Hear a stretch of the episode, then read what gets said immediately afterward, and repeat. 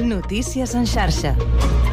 Bona tarda, són les 4, us parla Marc Ventura. Pedro Sánchez ha assegurat que Espanya tindrà un nou govern progressista ben aviat. Ho ha dit en un acte amb eurodiputats socialistes i quan només falten 24 hores per la segona votació d'Alberto Núñez Feijó.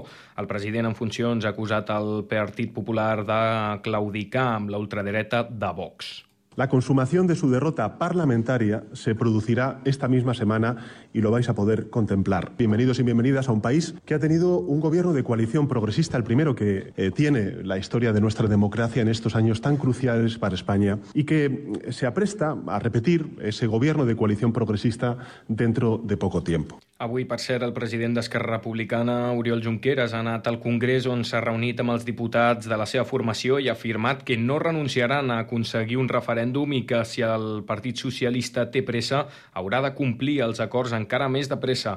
Mentre això passava a Madrid, el PSC ha anunciat que té previst votar en contra de totes les propostes de resolució que defensin l'amnistia al debat de política general que s'acabarà demà al Parlament.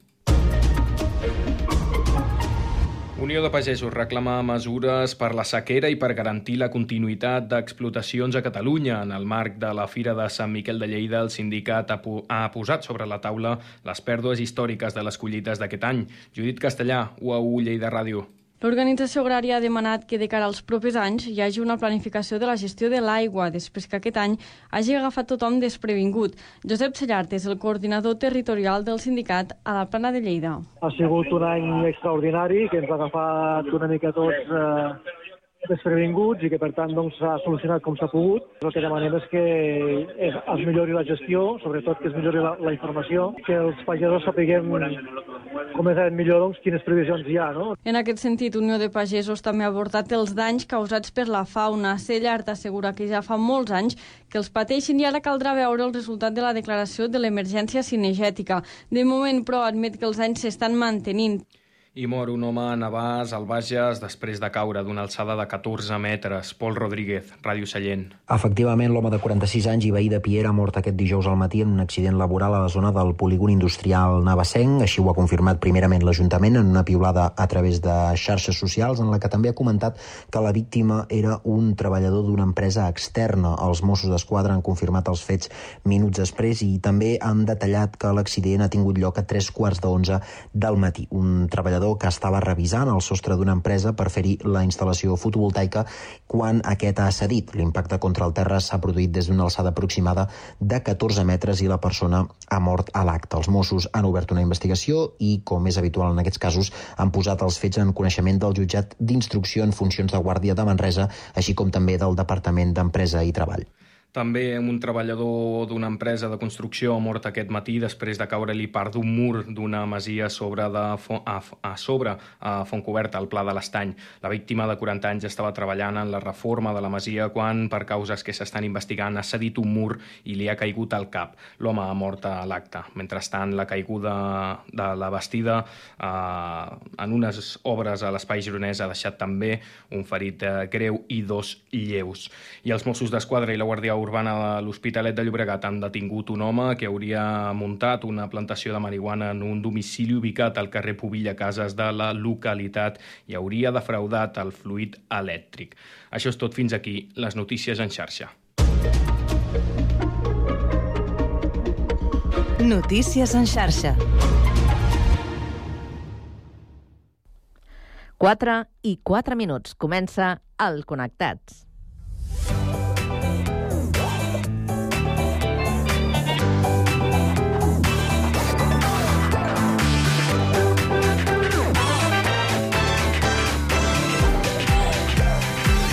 Connectats amb Carme Reversa.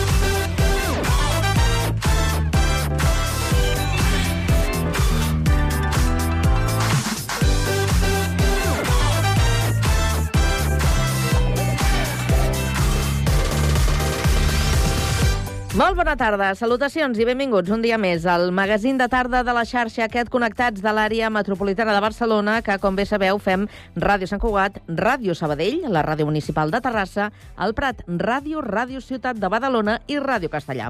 Una salutació de tot l'equip conduït a la part tècnica per Oriol Coromina, Jessica Rius a la producció i de qui us parla, Carme Reverte. Avui és dijous 28 de setembre i volem saber quin temps ens espera aquesta tarda.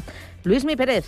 Bon dia. No varia el temps que hem tingut els últims dies respecte al que esperem al llarg d'aquesta tarda i, per tant, el sol continuarà sent l'amo i senyor de la situació meteorològica. En algun moment amb algun núvol prim, amb algun deixant de condensació dels avions, aquelles línies que es van veient al cel blau, però que no ens estan avisant de cap mena de canvi de situació. També algun nuvolet una miqueta més gruixut enganxat a les muntanyes de Tarragona, molt poca cosa, i sobretot a destacar la calor que ha de fer al llarg de les immediates hores. Estarem parlant de màximes una altra vegada, passant dels 30 graus a la terra ferma i entre 25 i 30 graus a la resta del país, amb vent feble.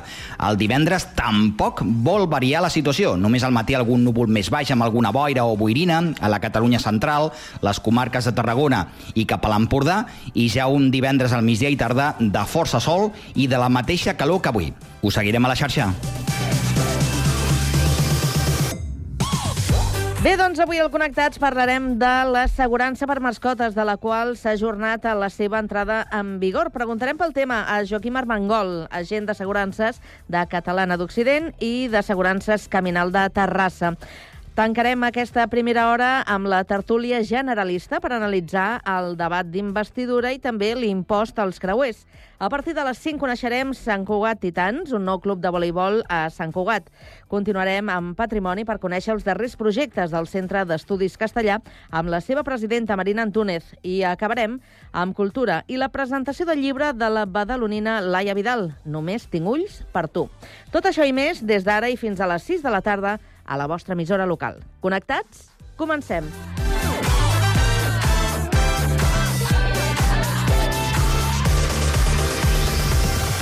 Connectats amb Carme Reverte.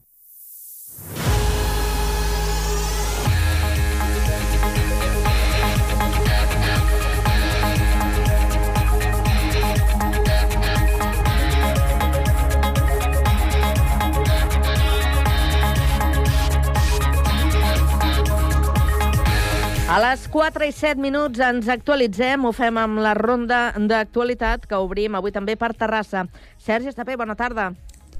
Bona tarda. L'equip de govern de l'Ajuntament de Terrassa s'ha reunit amb els responsables de Mediterrània de Catering, empresa concessionària del servei de menjador escolar, per fer seguiment del compliment dels criteris i requisits establerts en el plec de clàusules del contracte. La trobada s'ha realitzat amb caràcter urgent després de les alertes rebudes arran de la posada en funcionament del servei amb l'inici del curs escolar. L'Ajuntament ha traslladat a l'empresa la insatisfacció generada arran de les crítiques rebudes i ha manifestat que s'aplicaran els mecanismes legals de seguiment de l'acompliment del contracte. En referència als menús, en aquest contracte es recullen els requisits i criteris en relació a l'alimentació.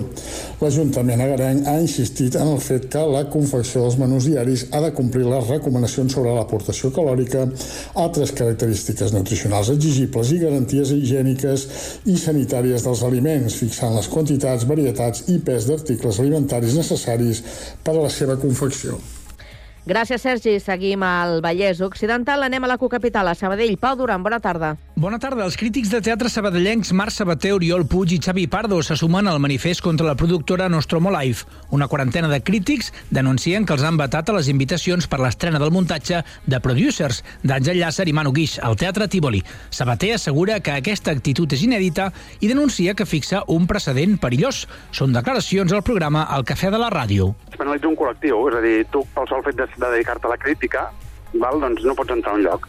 Mm, això em sembla que té un nom, que no val la pena dir-lo, però que, que, que em sembla perillós, no? És a dir, no, no considero que una persona, pel fet de fer la seva professió, fer-la ben feta, que és el que fan els crítics, doncs no puguin entrar en un lloc. Evidentment, la productora i l'Àngel Llàcer tenen tota la llibertat per fer el que els vulguin, evidentment però em sembla perillós establir un precedent d'aquestes característiques, no? Sabater lamenta que arran d'aquesta decisió el públic no comptarà amb la guia que suposen les crítiques a l'hora de decidir si va o no va a veure l'espectacle.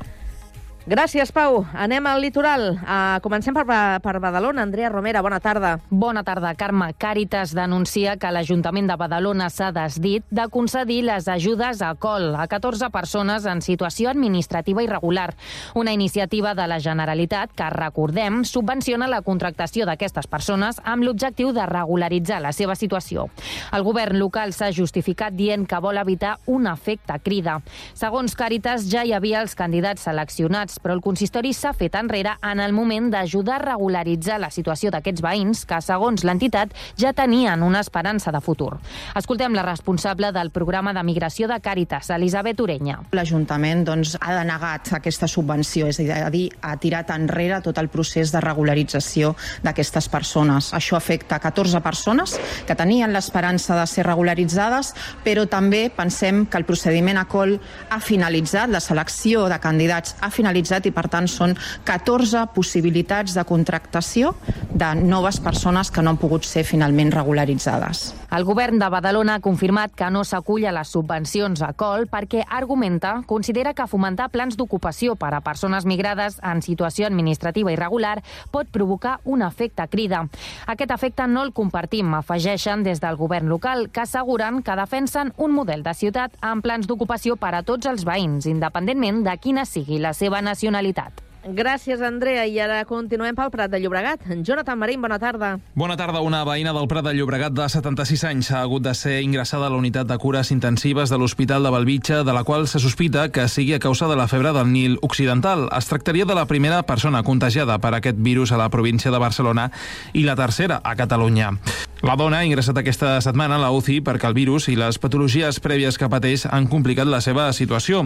Cal destacar que aquest virus no és contàgia de persona a persona, sinó que sol ser un mosquit que, després de picar un ocell infectat, pica una persona a la qual li transmet el virus. El Departament de Salut de la Generalitat ha fet una investigació entomològica de la zona on residia la persona.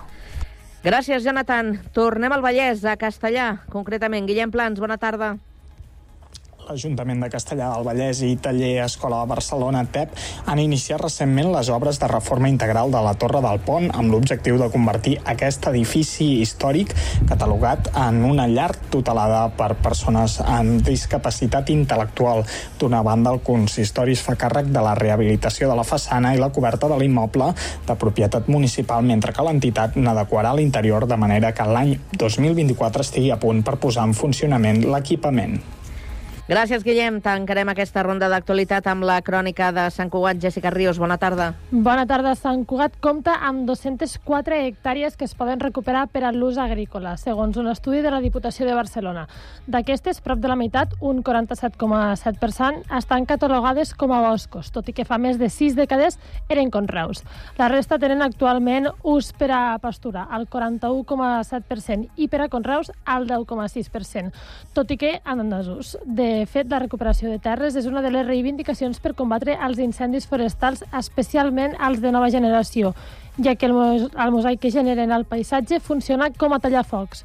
Tot i així, l'investigador emèrit de l'IRTA i professor de la UAB, Robert Sabé, considera que aquesta superfície no és suficient. Es podria generar una autèntica cinturó verd agrícola que impedís l'entrada de, del potencial perill de foc des de fora cap a dintre del, del massís de Collserola. El de dintre és molt més difícil d'erradicar, el perill, perquè, com tots sabem, Collserola és un, és un parc natural, metropolità, altament poblat, i, per tant, els potencials riscos es poden derivar d'activitats humanes normals eh, eh, que poden generar incendis són molt elevats tampoc per abastir alimentàriament la zona, tot i que Saber aposta per principalment donar valor a la massa forestal que serveixi per a la gent per a la pastura i la resta recuperar l'agricultura de conreus amb valor afegit de proximitat.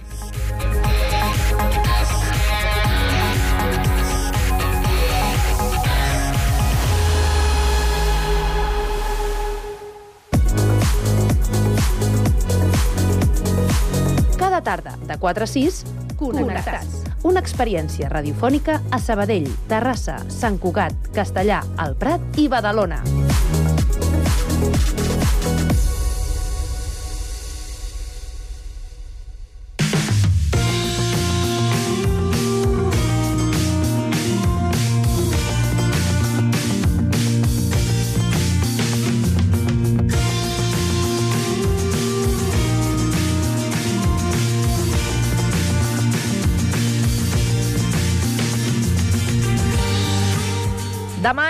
Vigor la llei de benestar animal i una de les novetats és l'assegurança de responsabilitat civil per a les mascotes. De moment no serà obligatòria fins que no hi hagi un govern estable, però va bé saber en què consisteix. Per això avui contem amb el terrassenc Joaquim Armengol, que és agent de Catalana d'Occident i Assegurances Caminal, amb més de 40 anys d'experiència en el sector. Joaquim, bona tarda. Bona tarda. També saludem el Sergi Estapé. Sergi, bona tarda. Hola, bona tarda. Bé, doncs, eh, Joaquim, explica'ns a, a grans trets eh, què és el que diu aquesta nova llei de benestar animal. Bueno, primer eh, dir que jo sóc agent d'assegurances, m'he llegit un cop tota la llei, que són 86 pàgines, eh, no és la meva especialitat, la meva especialitat són les assegurances, però, bueno, resumint molt, diu que està prohibit pues, maltractar qualsevol tipus d'animals, per exemple, un gos no se'l pot deixar sol més de 24 hores, eh, està prohibida la cria particulars de qualsevol espècie d'animals. Eh, bueno, és, és obligat tindre un seguro de responsabilitat civil mm. i també tindre un curs per tindre gossos, diverses coses així, més que res està pensat en protegir molt els animals. El que passa que encara eh, va sortir fa sis mesos publicat el boletí oficial de l'Estat, però ara ja han passat els sis mesos, tindria que desenvolupar un reglament i no s'ha desenvolupat. Diuen que es farà després quan es faci govern, però bueno, més o menys pues, eh, se sabrà, allà se sabrà segur el que es farà, però ara hi ha moltes, moltes incerteses, sobretot amb l'assegurança que no hi ha ni els capitals, ni, ni exactament el que s'ha d'assegurar. També diu que te la poden demanar pel carrer l'assegurança, si per telèfon valdrà ensenyar-ho o no, bueno, hi ha molts, molts dubtes que encara no s'han esveït. Eh, de totes maneres, eh, podríem avançar o podríem destacar quines són les principals obligacions que suposa per als amos d'aquests animals? Bueno, les obligacions és tindre els vacunats, tindre els cuidats, no se'ls pot deixar abandonats, no es pot fer cap tipus de, de negoci amb els animals, es té que tindre un segur de responsabilitat civil i també diu que has de fer un curset per tindre, per exemple, un gos i, i que serà gratuït. Això no sé com ho faran, però... Això és una novetat? Polèmica. Això és una novetat? No, no, això està reflexat dintre de la llei. El, el curs? Sí, sí, que s'haurà de fer... Les persones per tindre animals hauran de fer un curs. Jo suposo, en principi, és pels gossos jo diria que es, ho faran només pels gossos perillosos, però la, la llei no especifica, només diu per gossos de moment. Per això el reglament ho dirà. Mm -hmm. Això anava a preguntar, precisament, si només era una cosa que afecta els gossos potencialment perillosos o és, és per a tots? O sigui, l'assegurança és... Eh, no sé si hi ha... No, l'assegurança és, en principi, per uh, qualsevol tipus de gos, gat, un, per exemple, un uron, no sé com es diu en català, també hi era obligatori el tema de, de cavalls, és dir, qualsevol animal que pugui causar un dany a tercer o un altre animal. Uh -huh, sí, I que, la que llei diu que s'hauria de fer, si no em falla la memòria, entre 50.000 euros i 300.000 euros, però no està estipulat que s'ha de fer per cada mascota. Jo suposo que depèn de la perillositat de cada mascota, ficaran un capital mínim. Abans els, el que eren, per exemple, els gossos perillosos ho, fix, ho fixava cada municipi. I, però ara ho, serà la llei el que fixi la quantitat que s'haurà d'assegurar i suposo que faran una diferenciació. No és el mateix que ser un gos salxitxa que un pilsburg. Per lògica, té un, un seguro molt més alt perquè la seva mossegada pot causar molts danys. O sigui, està més aviat destinat eh, com deies, a animals que puguin doncs, fer algun mal, no? Per exemple, ah, per exemple poso un exemple, no, no, un peix tots, o una tortuga... Tots els, go, no? tots els gossos, per exemple, és obligatori, uh -huh. els gats també. I llavors uh -huh. eh, està, també eh, s'haurà de fer els animals que són susceptibles de poder fer un dany a tercers. Perquè l'assegurança de responsabilitat civil és un dany a tercers. Un tercer pot ser una tercera. Eh, tercera persona fins a quart grau de consanguinitat i a, a tercers incluïts els animals i les persones. Estem pensant en, eh, en, en mals a, a, terceres, eh, a tercers, però estem pensant en persones. Però també hi hauria, m'imagino, es contempla que hi hagi eh, desperfectes, eh, és a dir, materials, no? Sí, per exemple, jo fa temps vaig tindre un cas molt greu. Per exemple, un estava passejant un gos i des de la banda d'una valla un altre gos li va abordar i aquest gos el, li va mossegar tot el que és la mandíbula i inclús hasta va fer malbé una mica la valla. El- tenia assegurança i va, tindre que pagar la valla i la mandíbula de l'altre gos que puc dir que quasi va costar 12.000 euros que eh, dit pel veterinari em va dir que val el mateix que una persona, que jo mateix em vaig quedar parat com podia ser tan car. Mm. Déu-n'hi-do. Uh -huh. I, I una cosa, Joaquim, es té, que, cobreix eh, o sigui, el que és eh, els possibles eh, danys, no sé si també eh, hi ha alguna altra cobertura que entraria o, o només és, és això La, que, que el, que deies? obli, el que obligarà la llei, perquè encara no és obligatori, això serà quan es desenvolupi aquest reglament, és tindre assegurat només danys a tercers. Que passa moltes pòlisses incluiran altres coses. Uh, es pot incluir moltes coses, defensa, reclamació, també hi ha assegurances molt completes, per exemple, la, la Catalana Occident pot assegurar des de que si una persona es fica malalt i no pot estar cuidant a l'animal el cuiden en una residència, uns diners per en cas de robo, eh, hi ha unes cobertures superàmplies. Si té un accident també que pugui anar al veterinari sigui gratuït, o si té una enfermetat, però això són coses opcionals. El que obliga la llei només és danys a tercers, és a dir, el dany que puguin provocar a terceres persones. I això eh, és una pòlissa especial o, o es pot incloure amb altres, no sé, per exemple, l'assegurança de la llar? No? Com, com funciona això?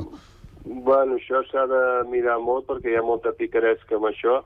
Sobretot, jo el que aconsello és eh, preguntar-li a un agent o un corredor d'assegurances que aquests són els que són verdaderament professionals. Mai preguntar a les entitats bancàries o línies directes, perquè aquests només són comissionistes i ja no saben res i el primer que fan és fer-te el seguro i ja està. Això, per a, l'ideal és, abans de fer l'assegurança, és consultar qualsevol agent d'assegurances. Jo aconsello que com a mínim porti 4 anys eh, amb el càrrec aquest, perquè hi ha molta gent que treballa amb això, està uns anys i, i llavors pleguen, perquè avui en dia és molt difícil en la nostra professió perquè tenim molta competència. I llavors l'ideal és que una gent es miri la pòlissa. La pòlissa hi ha diverses coses fonamentals. Dintre del seguro d'una llar, estableix una cosa que se'n diu la responsabilitat civil familiar. Dintre la responsabilitat civil familiar s'ha de mirar dintre el- l'apartat que posa el, el que són animals domèstics. Dintre d'animals domèstics s'ha de mirar quines són les exclusions. Hi ha una exclusió que eh, figura bastantes companyies, que és que quan hi ha un seguro obligatori, llavors ja ho exclueix automàticament. I, i s'ha de mirar, hi ha companyies que inclús pel pes de l'animal, algun tipus de races, per exemple, tots els perillosos estan excluïts normalment.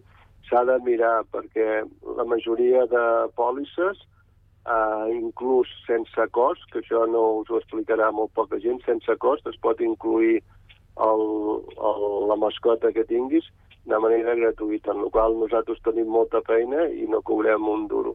Ara, per exemple, el que són assegurances en línies directes, així, això no ho cobreixen i normalment entitats bancàries tampoc. Però s'ha de mirar la pòlissa. L'ideal és que es consulti a un professional, que pot ser un agent o un corredor. I una pregunta, ah, perquè no sé on ho he llegit, vaig, vaig a, a veure si m'ho pots eh, desvetllar. El, el, és una pòlissa tipus personal, de la, a títol personal, és a dir, jo sóc l'amo del gos i sóc el que, per exemple... Ho dic, ho dic perquè, per exemple, si el treu la meva filla o el treu el, eh, un dia el meu pare perquè jo no puc, hi ha algun problema, aquesta gent hauria d'estar inclosa també com a, com a no sé, com a amos o com a... no sé, no sé com dir-ho, saps? M'entens el que et vull dir o no? Sí, sí, mira, hi ha, hi ha dos, dos coses primordials i es poden fer l'assegurança de dues maneres.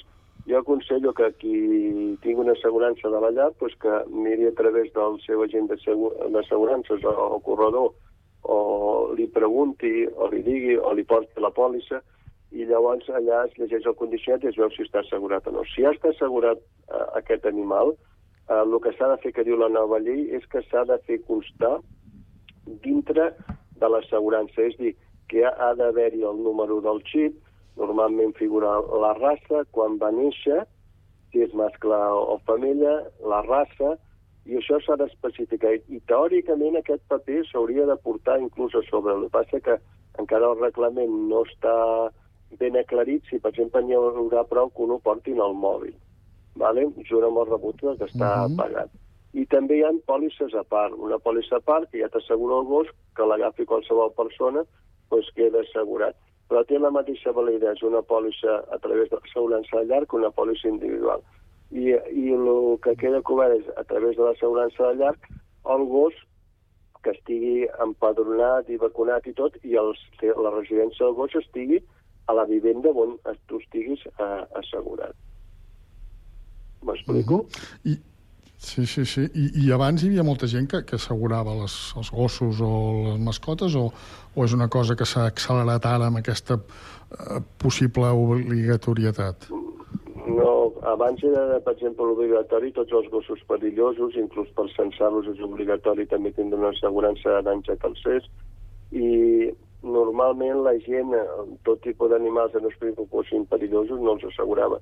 Per exemple, sí que asseguraven el que podia ser un cavall, un gos perillós, però els de més, eh, com que dintre la pòlissa de la llar, normalment el, el, els animals que puguis tindre estan assegurats, doncs ja no ho especificaven. Però ara amb aquesta nova llei diu que s'han d'especificar.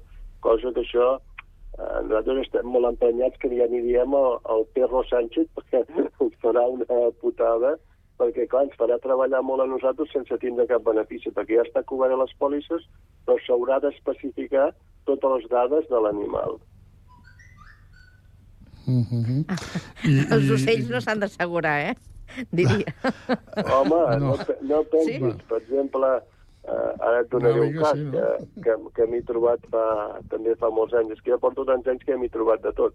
Sí. Ara imagina't que una persona ve una mica a casa teva, s'agosta l'ocell i fa piu, piu, piu, i va l'ocell, va i li pica en un ull. Doncs això, a través de l'assegurança de, de casa, va sí. quedar cobert tot el... va tindre una ferida i va tindre que anar a l'oculista. Però estava en gàbia? Aquí. Estava en una gàbia, aquest ocell? Sí, però a, a través, va, li va picar a través de la gàbia, va treure el morro, pum, i li va picar. Ja. Vol dir que pot passar de tot. A vegades el que menys et penses passa. Però, per això estan les assegurances. Però llavors, eh, eh, perdona, eh, Sergi, eh, hem de deixar sí, clar si eh, això, aquesta assegurança, perquè estem parlant molt de gossos, eh, abans també, Joaquim, eh, comentaves eh, gats també, eh, contemplem altres tipus d'animals, ara que parlàvem dels ocells. Sí, en, en principi el que serà obligatori és gats, gossos i hurons, i també ja hi ha obligatoris els que ja abans ho eren, que per exemple un cavall, que són gossos perillosos, però a través de l'assegurança de la llar, qualsevol persona que tingui un animal a la majoria de pòlisses, sobretot contractades amb agents de seguros o corredors, ja té assegurat la responsabilitat civil que puguin fer els seus animals de companyia. Que mm. passa que ara la llei obliga a especificar quins animals té. M'explico? Sí, sí. És dir, han d'estar registrats a, a la pòlissa i també, per si van pel carrer i els para la policia, poder demostrar que aquell, aquell té una assegurança, perquè la multa que poden posar és entre 500 euros i si no em fa la memòria en coses molt greus pot arribar fins a 200.000 euros. Uh -huh. De totes maneres no està això encara de, del tema del, de les possibles multes, has dit abans que encara no està determinat, no? Posa, posa la quantitat, però, per exemple, no posa un detall molt important que els agents han preguntat. És dir, si tu, per exemple, vas pel carrer, et paren, et posen una multa, si llavors, per exemple, tu demostres que, que aquest animal ja el tenies assegurat abans que posessin la multa, si te la trauran i no t'implicarà cap tipus de, de despesa o et faran pagar alguna diner per no portar-lo, per això, per exemple. I a part que han de regular quines quantitats mínimes han d'assegurar per cada animal, tipus d'animal, normalment també influeix el pes i, i sobretot el que més influeix és el dany que puguin fer amb el tipus de boca mandíbula que tingui. Mm -hmm. Això és precisament el que anava a, a preguntar, no? que, que els preus dependrà, suposo, de, de cada animal o de cada, el que deies, no? que possible... Bueno, ja et dic que la majoria seran gratuïts, però si es fan segurs a part, mm, tot depèn de la periodicitat de l'animal. Per dir-ho manera, les companyies tot és, és estadística, els que veuen que són més perillosos i més potencialment probable que facin danys, però sempre són molt cars. Es parla que hi haurà assegurances doncs, que segurament amb 25 euros eh, es podran fer individuals i n'hi ha que la millor hi pugen 1.000, depèn del tipus d'animal que sigui i el risc que tingui de pugui fer-li mal a una persona o a un altre animal. Bé, doncs haurem d'estar atents eh, quan eh, això ja entri en vigor, perquè encara queda feina per fer. És a dir, queda saber tota aquesta lletra petita que ara comentàvem amb el Joaquim Armengol, agenda catalana Occident i d'assegurances Caminal a Terrassa. Joaquim, gràcies per passar pel Connectats i molt bona tarda. Vinga, bona tarda. Que vagi bé. Adéu, Sergi, bona tarda. Adéu.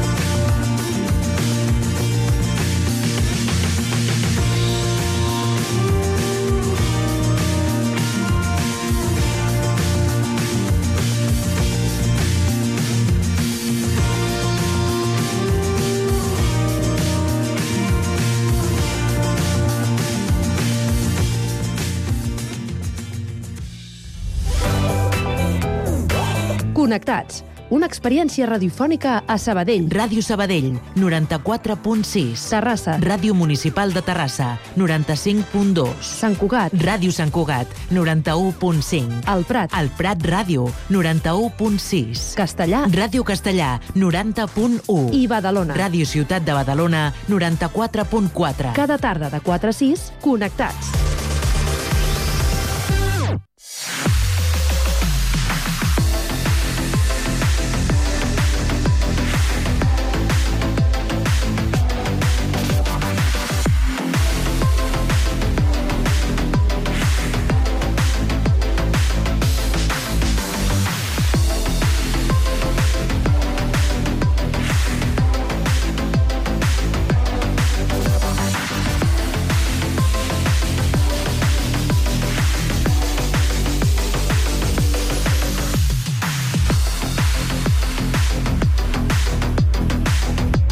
Passen dos minuts de dos quarts de cinc de la tarda i és el temps per a l'opinió. La tertúlia, tres bandes. Avui la compartim amb l'Antoni Camacho, que és coordinador de Federalistes d'Esquerra Badalona. Antoni, bona tarda. Molt bona tarda a tothom. Molt bona tarda i benvingut. També ens acompanya Joan Tamayo, advocat i activista des de Terrassa. Joan, bona tarda. Hola, bona tarda a tothom. I la Mònica Blasco, presidenta de, o directora de la Original Communication, però a més a més també presidenta Vale. d'AD AD Vallès. Com estàs, Mònica? Bona tarda. Molt bona tarda, Carme. Molt bé. Sí? Sí. Dis disposada? Molt disposada. Esteu molt enfeinats ja? Sí, molt enfeinats. Sí? Apa. Bé, doncs qui també està molt enfeinat és la, o molt enfeinada és la classe política, que tant eh, aquí com a Madrid doncs, eh, estan amb, amb sessions contínues al Parlament i al, i al Congreso. Si us sembla, mm, d'entrada hi, hi ha una qüestió, que és que el fet que coincideixin eh, aquesta, aquests dos eh, debats, el de política general al Parlament de Catalunya amb el debat d'investidura a Madrid, que diríem que són dos moments realment importants en la, la vida política de, del país, que coincideixin, doncs no és una una, una mala coincidència, no? Que, no, que no puguem estar una mica per, pels dos temes a, alhora, perquè sempre hi ha un que, que, que tirarà més que l'altre, no? Uh, no sé, vosaltres com ho esteu seguint? Antoni? Bueno, jo estic seguint el debat de, de, de la moció de censura aquesta que, que va presentar el Feijó ahir.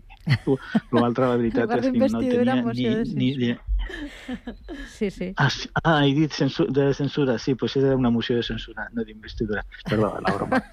I la veritat és que l'altra no, no, no l'he seguida. No l'he seguida, no. No, veus? Sincerament ni sabia que hi havia que eh, el mateix dia coincidia amb, el, amb aquest debat. Sí, sí, sí, O coincideixen. sigui que no, no, eh, és, ho, sé, ho sé perquè llegeixo la premsa i m'agrada estar informat del que passa al meu país, però bueno, jo crec que algú, en aquest cas, dic per la transcendència, eh, no res més, eh, doncs es podia haver ajornat el debat de política general, s'han fet altres ocasions per motius menys importants, però bueno, no s'ha fet en coincidit i crec que no passa res, no. Joan, tu com ho estàs eh, Sí. seguint, això?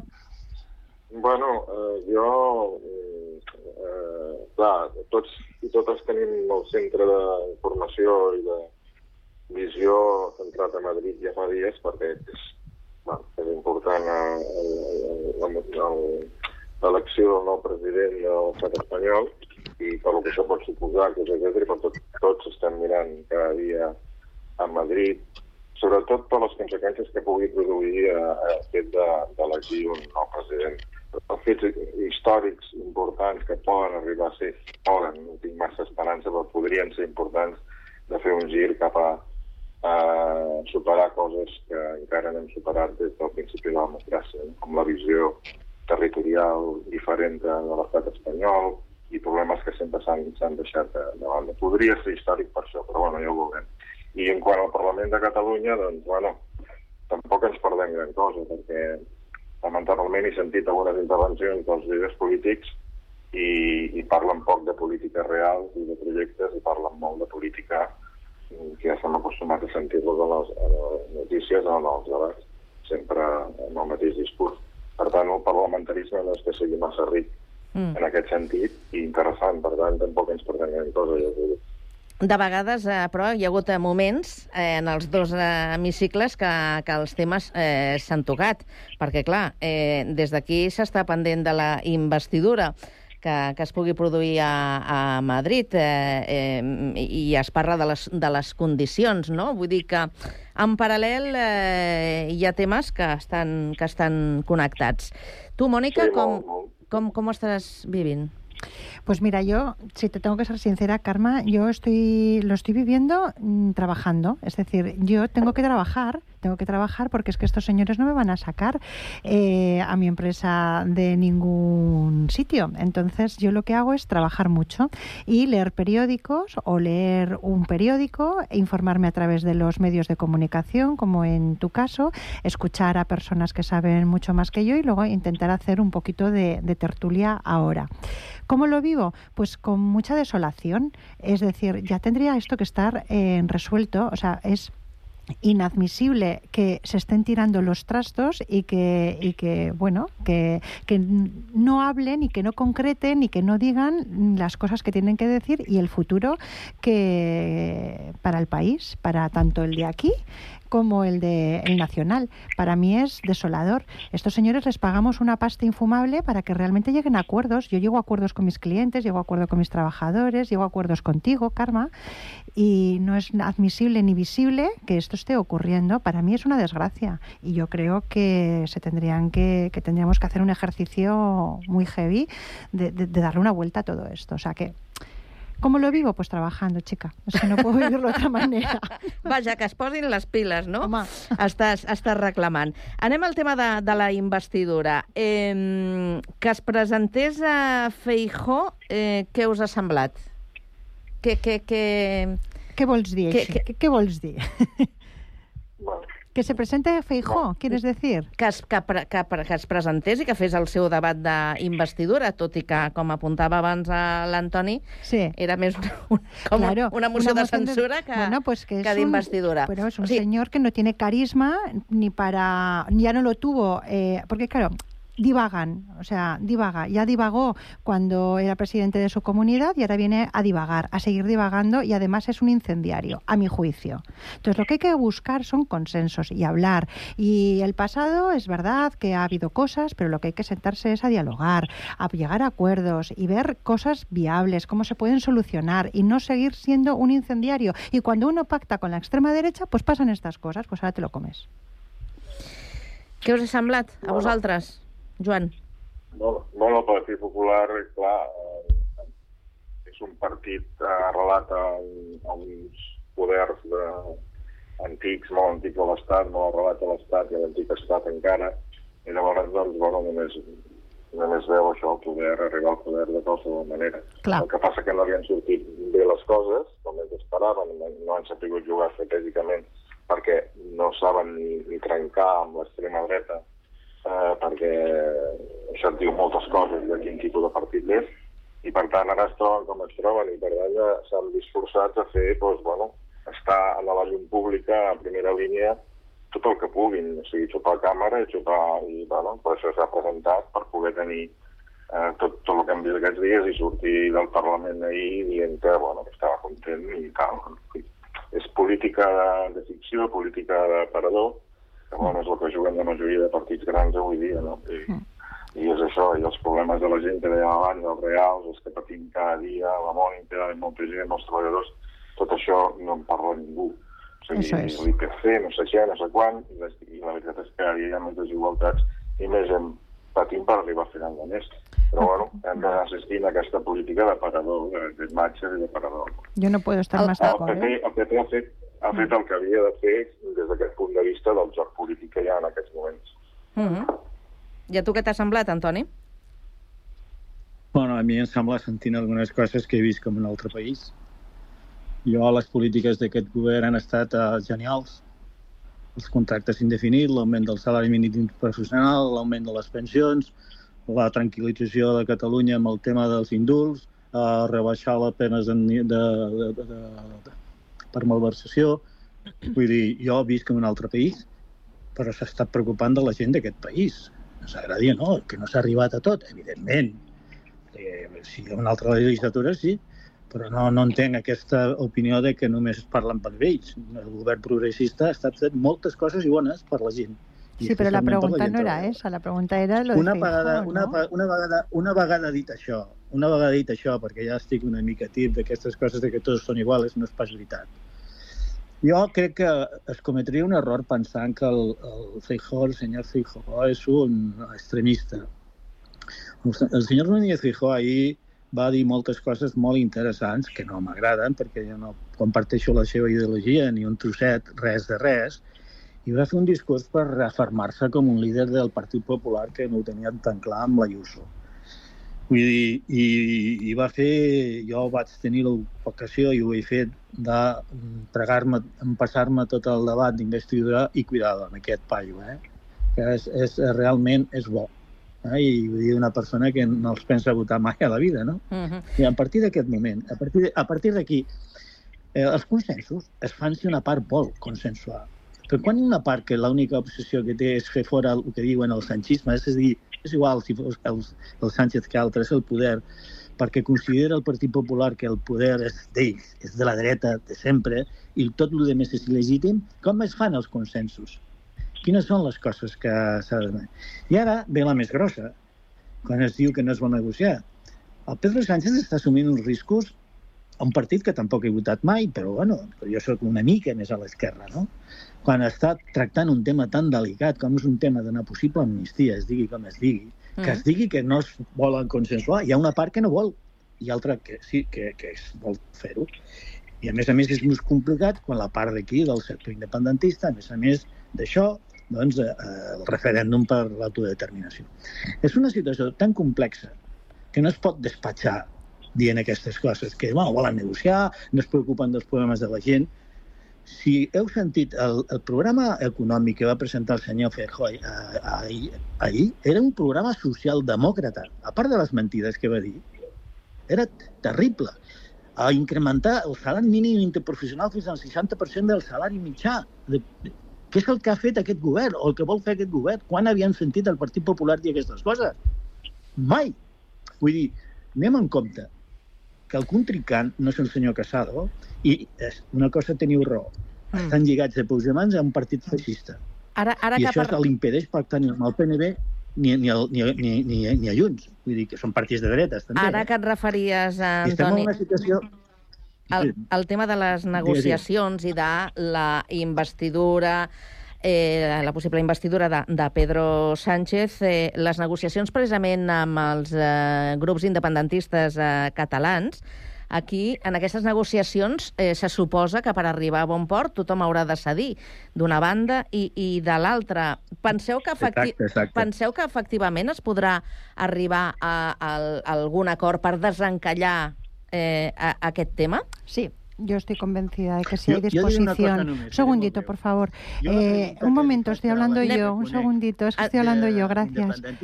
Es, Perdona. Antoni, fem, a veure, una mica d'ordre. Eh, Mònica, després a Antoni sí. i després a Joan. Vinga. Vale. Um, yo creo que sí, que sí que se está, sí que se llegará a un acuerdo porque hay voluntad, hay voluntad política por las tres bandas.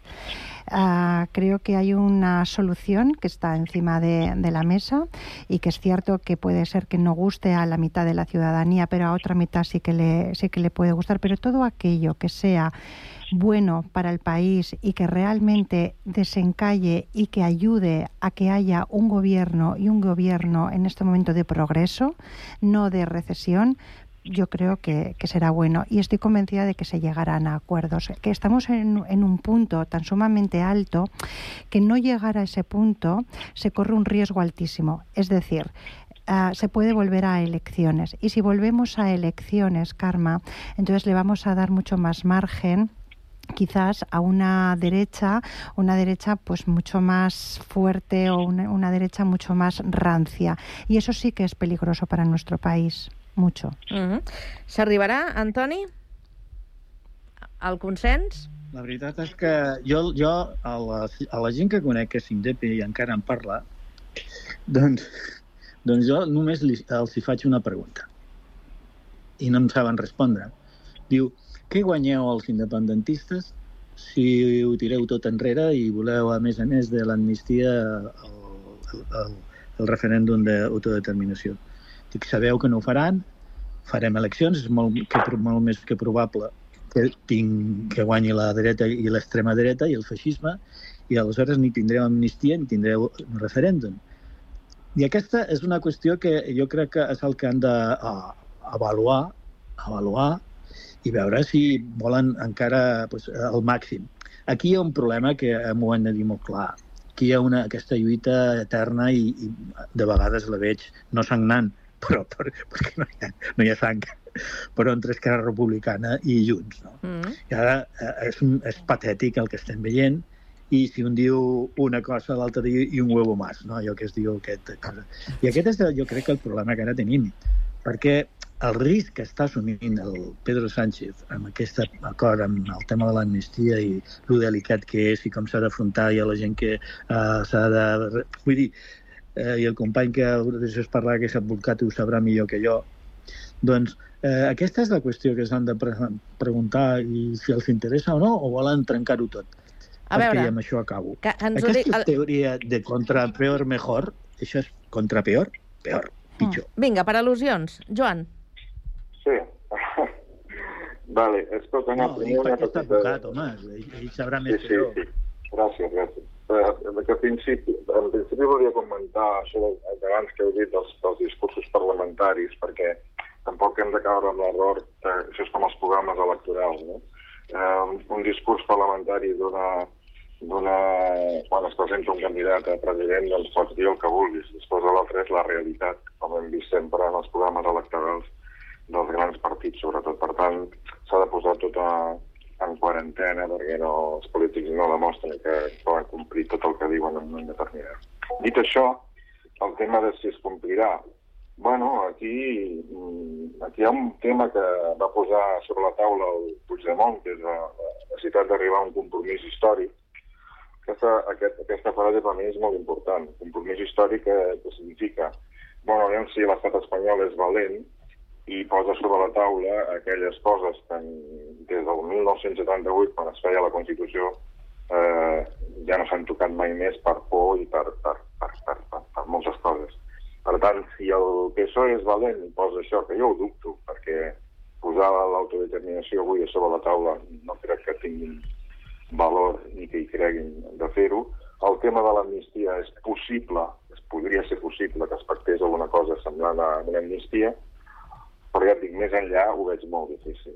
Per tant, jo, jo que veig aquests dies és molt silencis. Pot, pot voler dir o que realment s'està arribant a un acord o que realment doncs, és impossible, una de les dues, evidentment. Però hi ha uns silencis molt significatius, sobretot de certes persones. Per tant, no sé, veurem. Jo sóc molt, molt no sé, no, no crec massa que s'arribi un acord eh, d'acceptació de, de, de, de l'autodeterminació perquè el nacionalisme espanyol els nacionalismes són tan exacerbats que és, és impossible que vegin la diversitat territorial que pot haver, que pot enriquir el propi territori. Això ho veig impossible amb els polítics actuals. No ho sé, ja veurem. Per, però, escolta'm una cosa, jo eh, torno a insistir, no penses que val la pena... Jo crec que si, si entra el tema del dret a l'autodeterminació no hi haurà acord, i tu ho saps igual que jo. Jo sí. tu saps, a més a més, eh, un percentatge majoritari a Catalunya no vol la independència. Això ho diu el CEO, no ho diu el CISE, el CEO, el Centre d'Estudis d'Opinió de Catalunya. Eh? O sigui, no fem broma amb aquestes coses, per ser, diguem, seriosos. La immensa majoria de catalans no volem la independència. Una altra cosa és que s'arribi a un acord per, per votar el pacte que s'arribi.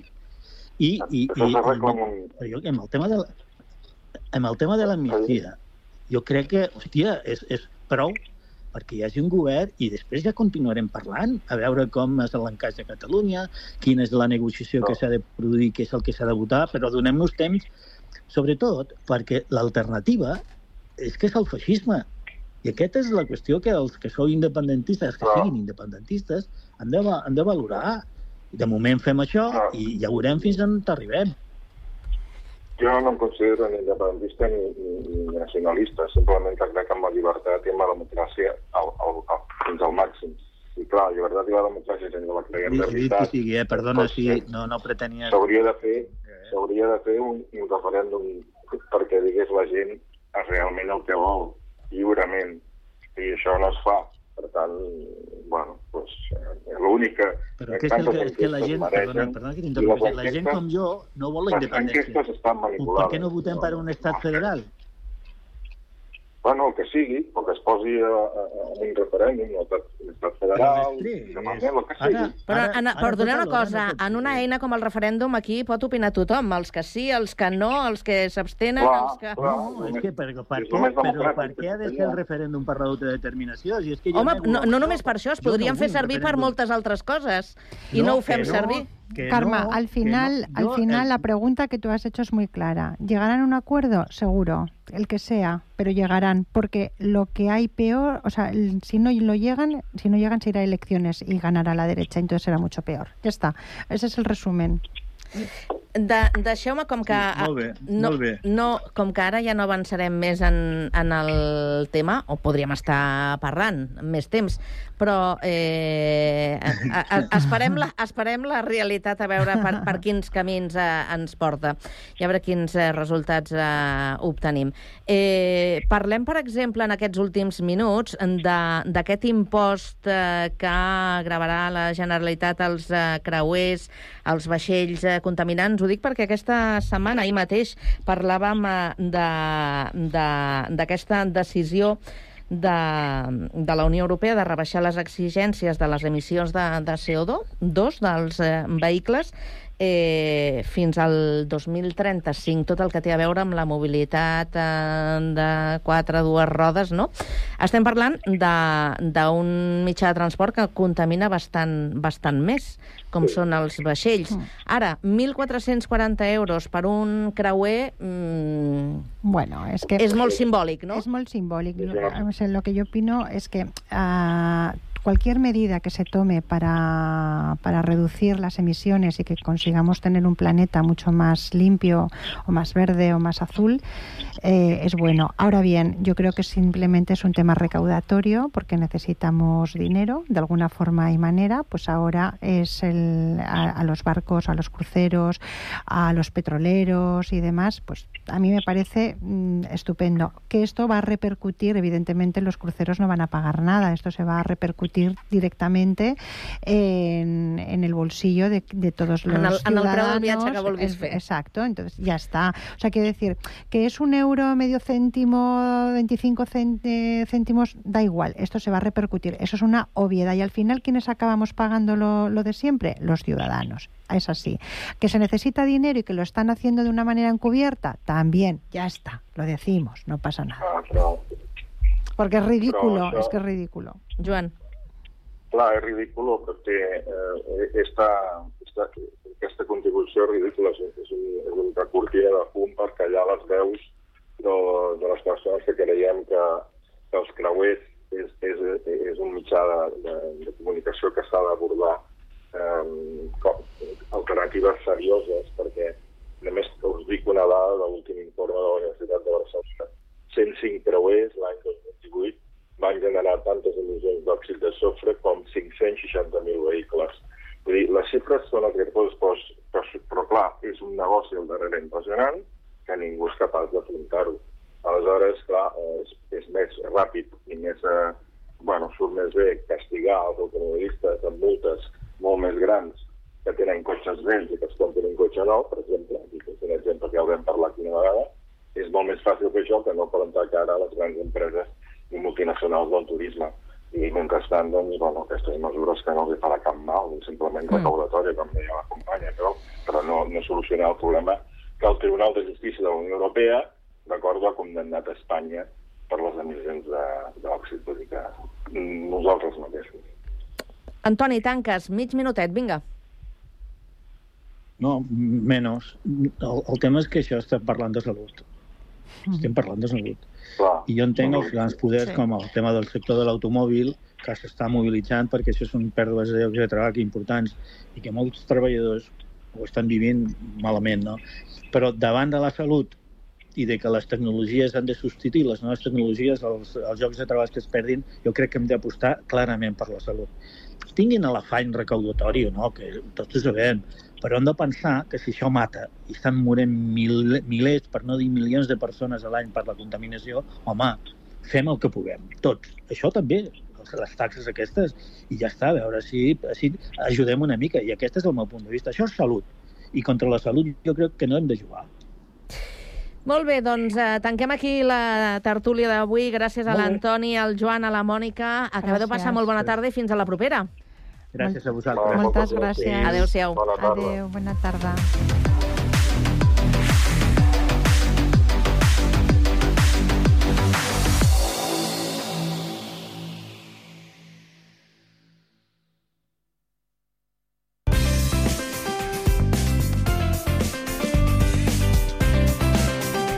Ràdio Sant Cugat, Cugat Mèdia, 91.5 FM.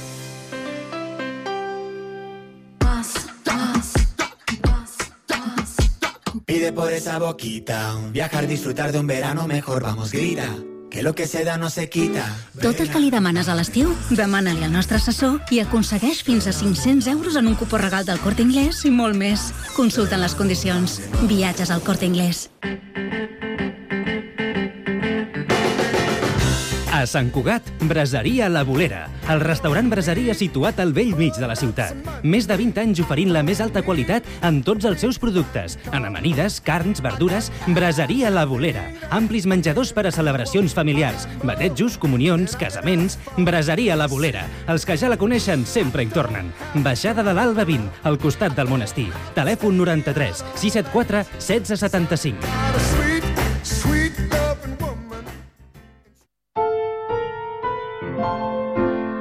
L'Associació Amants del Teatre i Ràdio Sant Cugat Cugat Mèdia t'apropen grans obres de la literatura a través de la oïda. Doncs aquesta té un cert tràfic... Vet aquí, ja volia dir jo. És una bogeria, una barbaritat. Et diré el meu nom a l'orella, escolta. Oh! La vídua es posa ràpidament al llit. Radioteatre amb obres de Jean Cocteau, Martí Boada, Robert Robert, Mercè Rodoreda, Pere Caldés o Anton Chekhov. Al 91.5 FM i a www.cugat.cat. Cada mes, els alumnes dels instituts Leonardo da Vinci, el Centre de Formació d'Adults i el Col·legi Pureza de Maria expliquen l'actualitat dels seus centres a Ràdio Sant Cugat. Els alumnes de primer d'ESO van fer una excursió el 18 d'octubre a un jaciment arqueològic. Doncs jo vull parlar sobre la inauguració del Punt Lila i el Punt Rainbow. També ens fan recomanacions. I el que m'agrada molt d'aquest llibre és que eh, a les pàgines es poden veure els correus. Ens diuen què els agrada. A mi m'agrada el Nadal en fred. Parlaré del que m'agrada que va sobre el meu esplai. I ens posen al dia amb la música que escolten. Jo he escollit a la gent d'Estimo, que és d'Oques Grasses. Quan somrius és Joan Dausà. No dudaria, Rosario. Els instituts Sant Cugatencs a Cugat Mèdia. Els dijous a les 10 a Ràdio Sant Cugat i en podcast a cugat.cat i a Ull Crític.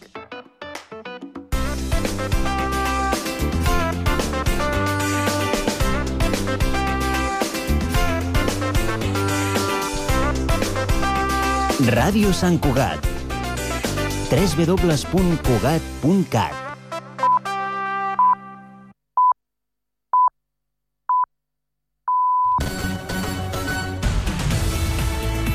Ràdio Sant Cugat,